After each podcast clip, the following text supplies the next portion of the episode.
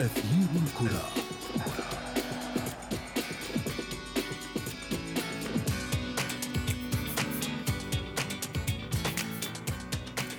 هناك من يستغل الفشل ليصنع منه سلما للنجاح ويصنع من الهزيمة طريقا للنصر في المباراة التالية.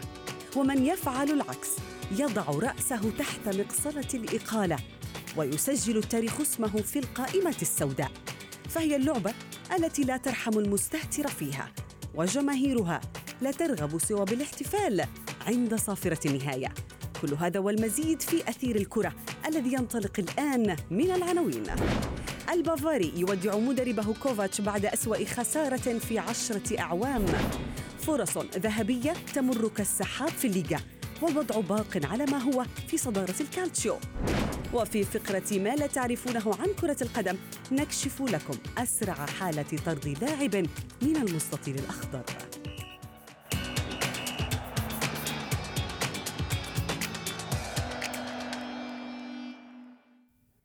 أهلا ومرحبا بكم مستمعينا الأعزاء حلقة جديدة من برنامجكم أثير الكرة. نبدأ كما عودناكم بجولة سريعة لآخر الأخبار والنتائج.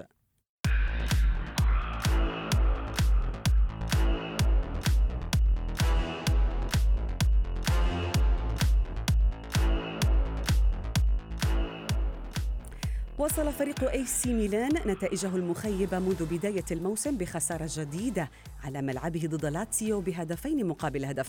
ليبقى الميلان في المركز الحادي عشر برصيد 13 نقطة فيما ارتقى لاتسيو إلى المركز الرابع ب 21 نقطة. فيما فشل فريق أتلانتا في استعادة المركز الثالث بخسارة من كالياري بهدفين نظيفين. كما تعادل فيورنتينا مع بارما بهدف لكل منهما في المباراة التي أقيمت على ملعب الأول ليرفع فيورنتينا رصيده إلى 16 نقطة في المركز الثامن وبارما 14 نقطة في المركز العاشر.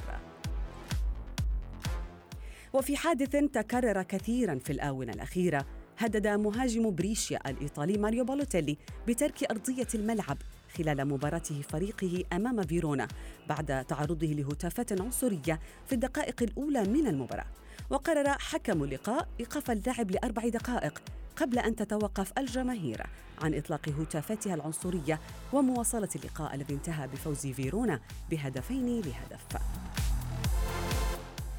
في الدوري الإسباني فوت غرناطة الفرصة لخطف صدارة الدوري بعد خسارته أمام ريال سوسيداد بهدفين نظيفين.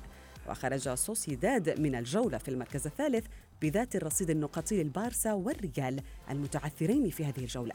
كما سقط فياريال في فخ التعادل السلبي على أرضه مع أتلتيك بلباو الذي خسر فرصة الدخول في قلب الصراع على مراكز المقدمة. فيما عكر بلد الوليد على ضيفه ريال مايوركا احتفاله بمباراته الألف في الليغا وذلك باكتساحه بثلاثية نظيفة.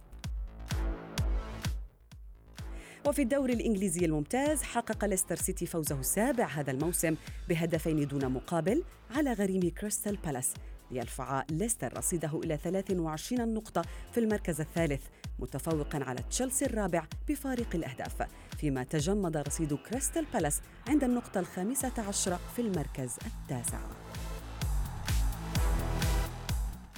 وتعادل توتنهام هوتسبير مع إيفرتون بهدف لكل منهما في مباراة شهدت إصابة قوية للاعب وسط إيفرتون البرتغالي أندري غوميز بعد تدخل عنيف من نجم السبيرز الكوري الجنوبي يونغ بن سون وأصدر إيفرتون بيانا يؤكد فيه أن غوميز بحاجة لجراحة بسبب كسر في كاحل القدم اليمنى ولم يحدد جدولا زمنيا لعودته إلى الملاعب.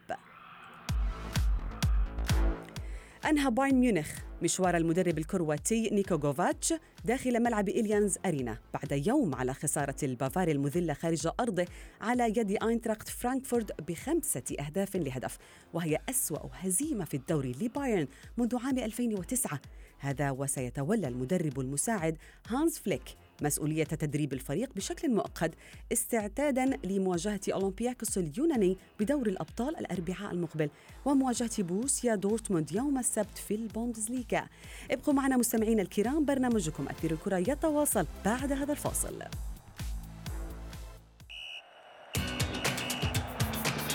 أثير الكرة.